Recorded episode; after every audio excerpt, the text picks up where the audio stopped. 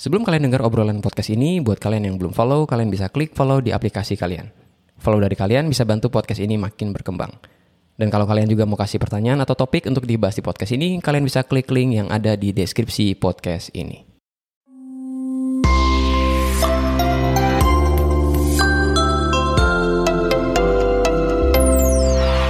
Halo, selamat datang di podcast Pak Kris. Dan kita masih menjawab pertanyaan dari siswa-siswi SMAK 3 BPK Penabur Jakarta. Pertanyaan yang belum sempat saya jawab dalam webinar yang minggu lalu saya diundang ke sana. ya. Walaupun temanya tentang pembelajar yang sejati dan mandiri, tapi pertanyaan ini agak out of topic ya. Jadi pertanyaannya adalah tentang kuliah di negeri atau di swasta ya. Pertanyaannya sangat klasik sekali. Ini mungkin ada di semua benak siswa-siswi SMA yang mau kuliah. Pertanyaannya kayak gini. Halo Pak, Maaf saya agak out of topic. Sebagai seorang dosen, apakah menurut Bapak orang-orang yang berkuliah di PTN atau perguruan tinggi negeri itu lebih hebat dan terjamin? Karena saya agak tertekan melihat teman-teman saya yang berambisi sekali mengejar itu. Sedangkan saya hanya leha-leha aja. Karena set, uh, telah mendaftar di universitas swasta dan banyak teman saya yang menilai univ yang saya daftar sebagai univ yang mainstream. Terima kasih Pak. Nah, ini mungkin pertanyaan yang tadi saya bilang ya, ada di semua benak semua siswa-siswi SMA, mungkin juga ada di benak para orang tua juga, mungkin juga jangan-jangan ada di benak para guru juga ya. Nah, saya adalah salah satu orang yang mungkin bisa sangat apa ya, saya bilang mungkin kredibel, valid, atau berpengalaman untuk menjawab pertanyaan ini. Karena saya kuliah di negeri dan juga kerja di univ swasta. Jadi saya ke kuliah di UTB, selama kurang lebih 11 tahun dari S1 sampai S3. Kemudian saya bekerja di univ swasta yaitu di Universitas Katolik Parahyangan ya. Nah, jadi gue bisa jawab dengan melihat uh, apa? Mungkin gue ngelihat uh, lingkungan dari uh, dua tempat ini ya, satu di univ negeri dan satu di univ swasta ya. Nah, menurut gue bottom pointnya seperti ini ya. Sebelum gue ceritakan lebih lanjut, tapi intinya kesimpulan gue adalah Sebenarnya sukses atau enggaknya seseorang itu tidak hanya ditentukan oleh asal universitasnya. Itu hanya salah satu faktor aja. Ya, pada akhirnya orang itu sukses atau enggak, terjamin atau enggak, punya kehidupan yang lebih baik atau enggak, itu merupakan tanggung jawab dari orang itu pribadi lepas pribadi. Ya, jadi bukan hanya tergantung dari tempat di mana dia kuliah. Jangankan kuliah, anak uh, atau seseorang yang lulusan SMA aja atau bahkan lulusan SMP doang itu bisa sukses tanpa harus dia kuliah ya. Intinya apa? Intinya adalah jangan hanya mengkerdilkan seseorang itu sukses atau enggak cuma gara-gara asal unifnya doang. Itu merupakan bisa dibilang kesimpulan saya dari setiap argumen yang akan saya kasih pada podcast episode kali ini ya. Jadi tergantung orangnya ya. Nah, um, sekarang gue akan kasih coba uh, akan coba kasih kebalik ya, akan coba kasih uh, pandangan gue dari kalau kita atau kalian kuliah di, negeri ah, dan juga kalian kuliah di swasta. Oke, okay?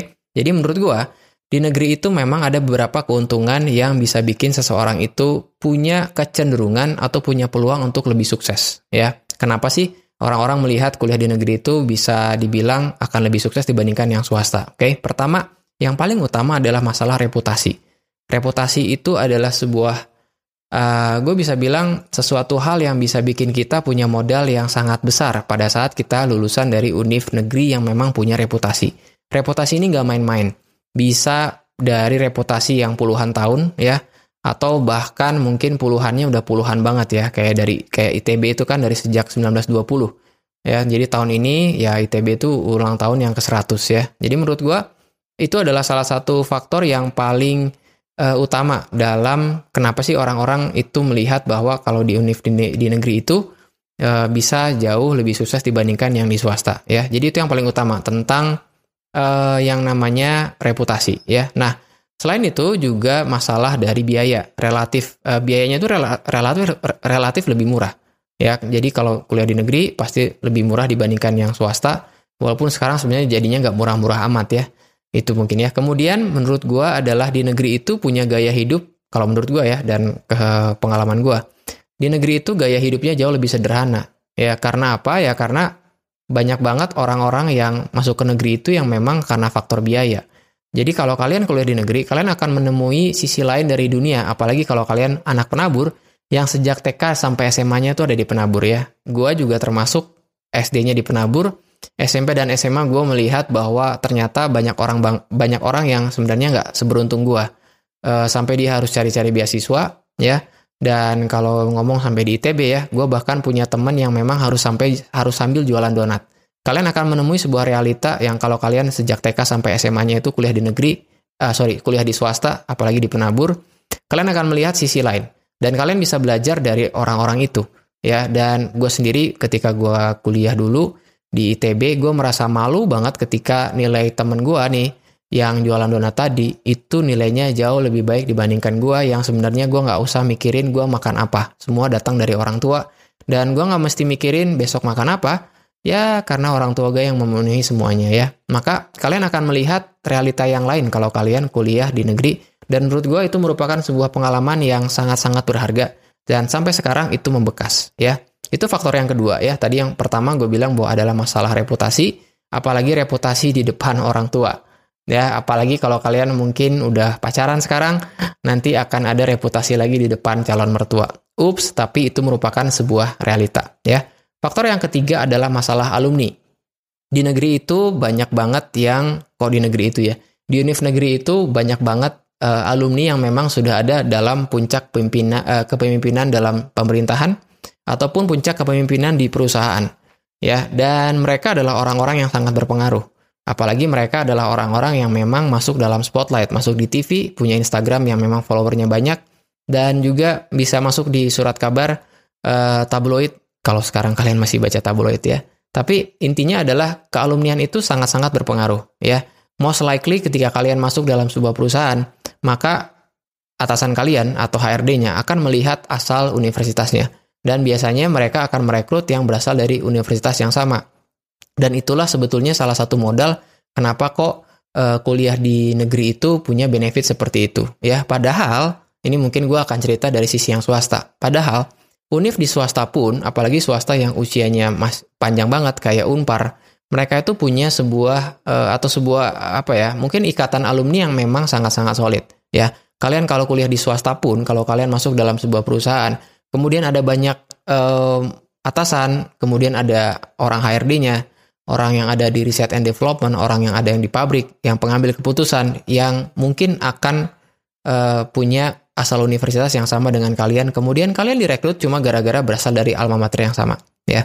Jadi masalah kealumnian itu ada pada uh, kalian kuliah di negeri atau kalian kuliah di swasta. Tentunya swasta yang memang punya umur yang panjang ya. Kalau kalian masuk di swasta yang mungkin baru lima tahun, ya jangan harap ada alumni yang bisa uh, hire kalian karena memang alumninya aja nggak banyak. Oke, okay? kebayang ya? Jadi sebenarnya sekali lagi um, masuk di negeri atau masuk di swasta yang punya alumninya banyak itu hanya salah satu faktor ya. Percuma kalau misalkan kalian punya calon atasan yang interview atau orang HRD-nya atau orang yang di pabriknya sekalipun yang ngajakin kalian gara-gara dari satu alma mater yang sama, kemudian kalian nggak perform, sebenarnya mereka harusnya memilih orang yang memang bisa perform dibandingkan hanya asal unifnya doang ya. Ya itu mungkin uh, perasaan gue dari orang-orang yang hanya mengambil uh, dari uh, alma mater yang sama ya. Padahal belum tentu juga kok bahwa orang itu bisa lebih perform dibandingkan orang yang alma maternya berbeda ya. Nah, selain itu, kalau gue lihat ya, di negeri itu punya persaingan yang memang betul-betul tough ya. Gue sendiri merasakan itu. Di SMA, gue punya nilai fisika yang bagus, nilai matematika yang bagus. Begitu gue masuk di ITB, gue babak belur, dan gue betul-betul shock melihat orang-orang yang katanya ketika itu, dalam tanda kutip, ambis. Mereka yang punya ikut dalam kegiatan unit banyak, eh, banyak banget ya kegiatan eh, unit kemahasiswaannya, kemudian rapat himpunan, kemudian mereka juga nilainya masih bagus, dan masih punya waktu luang buat riset dan juga hobi. Gue betul-betul terintimidasi. Nah, gue melihat bahwa persaingan ini agak lebih ketat yang ada di negeri. Kenapa sih bisa lebih ketat? Karena yang masuk di negeri itu adalah orang-orang yang memang lulus dari sebuah ujian yang memang susah. Baik itu, ya sekarang kan mungkin ada sistem undangan ya dari nilai rapot. Tapi kebanyakan mereka mungkin harus melewati ujian tulis, baik itu ujian saringan masuk uh, atau yang disebut sebagai apa tuh namanya SNMPTN lah ya. Artinya yang masuk ke negeri itu adalah mereka yang memang memiliki sebuah kualifikasi akademik yang baik. Maka ketika kalian masuk dalam universitas negeri, jangan kaget, kalian akan betul-betul di stretch out. Kalian akan stres ketika melihat banyak orang yang memang punya performansi jauh lebih baik dibandingkan kalian ya. Dan itu sendiri gue rasakan. Maka menurut gue ketika kuliah di negeri ada sebuah keuntungan yang bisa kalian dapetin yaitu sebuah persaingan yang memang yang memang sangat ketat. Dan kadang kadang betul nggak sih bahwa terkadang kita ini akan jauh lebih perform akan jauh lebih baik kehidupannya kalau memang ada saingannya ya kan dan itulah yang gue menurut gue ada di negeri dibandingkan yang ada di swasta ya Kenapa di swasta persaingannya menurut gue tidak terlalu ketat ya? Karena swasta itu uh, ujian ujian saringan masuknya juga menurut gue grade-nya agak di bawah dibandingkan yang negeri ya. Ini mungkin stereotip, tapi menurut gue seperti itu. Kenapa sih kok bisa seperti itu? Karena swasta itu mencari mahasiswa. Apalagi uh, jurusan-jurusan yang baru, kayak misalkan jurusan gue, atau misalkan jurusan-jurusan yang memang perlu banyak banget yang masuk maka biasanya ya mereka buat uh, standar uh, soalnya adalah standar soal di SMA aja. Kemudian mereka punya kursi uh, jumlah kursi yang harus mereka penuhi misalkan 200, maka yang daftar 400 ya tinggal cari 200 teratas. Tapi yang masuk dalam universitas negeri itu banyak banget. Bahkan peluangnya itu bisa satu banding 100 mungkin, bisa satu banding 200, satu banding 300 dan angka-angka fantastis lainnya. Maka persaingan ini menjadi menurut gua uh, menjadi sebuah hal yang sangat bisa mendatangkan keuntungan kalau kalian misalkan masuk di negeri. Itulah kenapa banyak banget yang pengen masuk negeri ya. Kemudian selanjutnya itu adalah masalah gengsi. Nah sebenarnya gengsi ini yang menjadi menurut gua apa ya stereotip ya, apalagi dari orang tua, apalagi dari calon mertua lu mungkin nanti adalah masalah dia ini lulusan dari mana.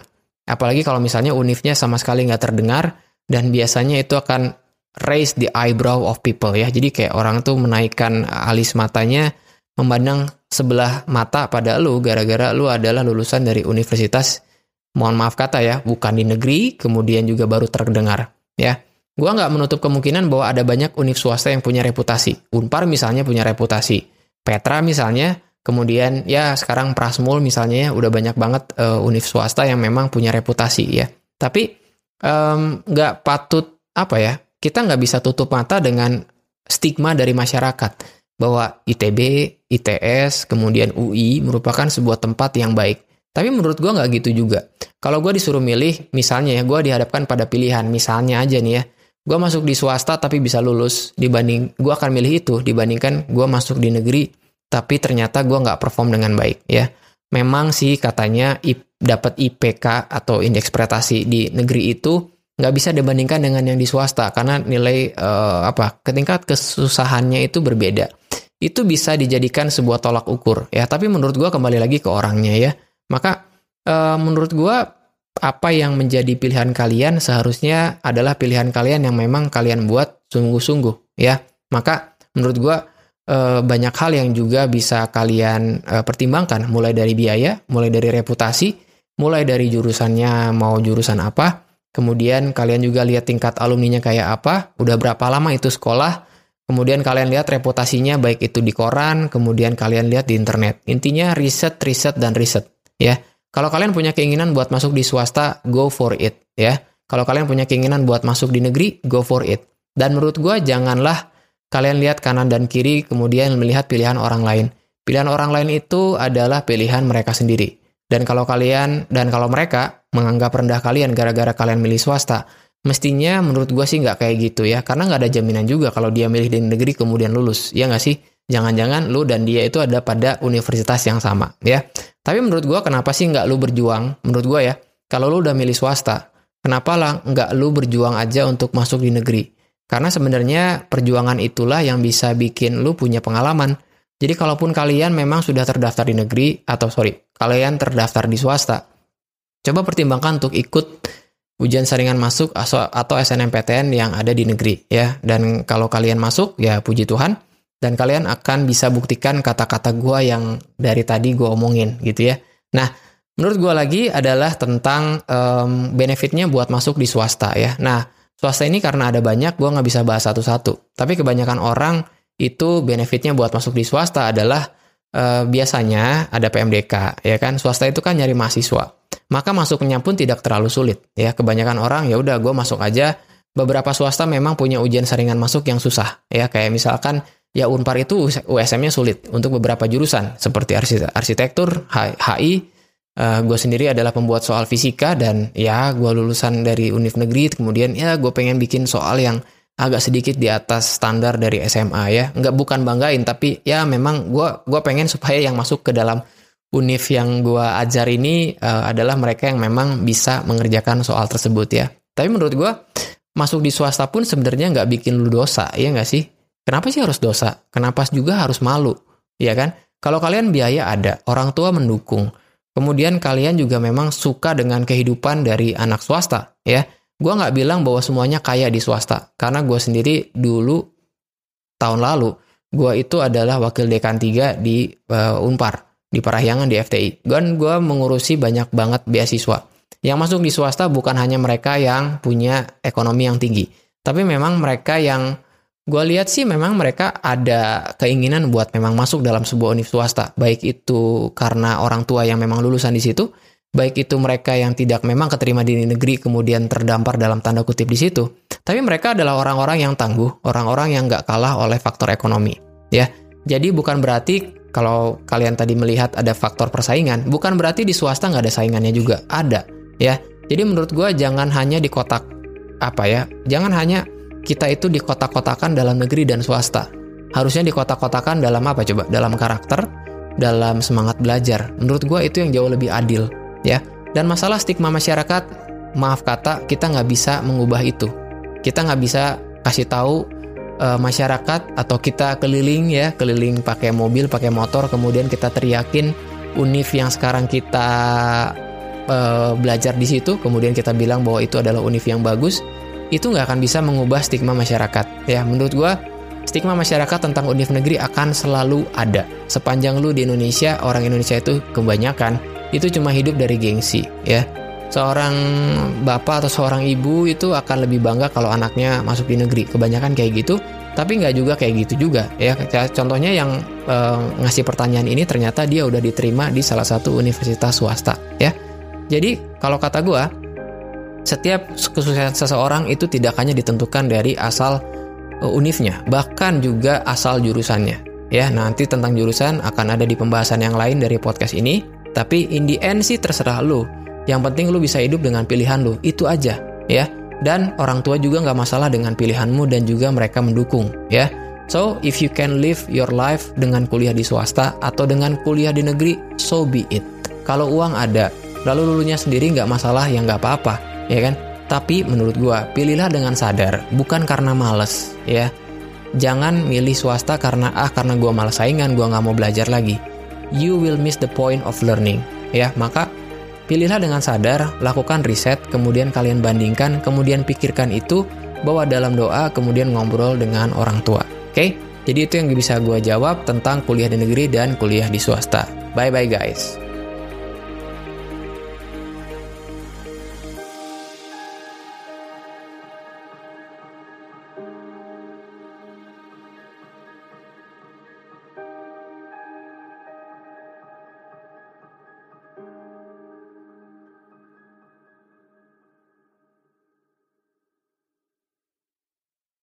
Kalau kalian dapat value atau manfaat dari podcast ini dan ingin say thank you, kalian bisa support podcast ini dengan mentraktir Pak Kris dengan klik link yang ada di deskripsi podcast ini. Traktiran kalian akan sangat berarti untuk podcast ini tetap running dan bantu orang-orang untuk stay productive. I'll see you guys later dan stay productive.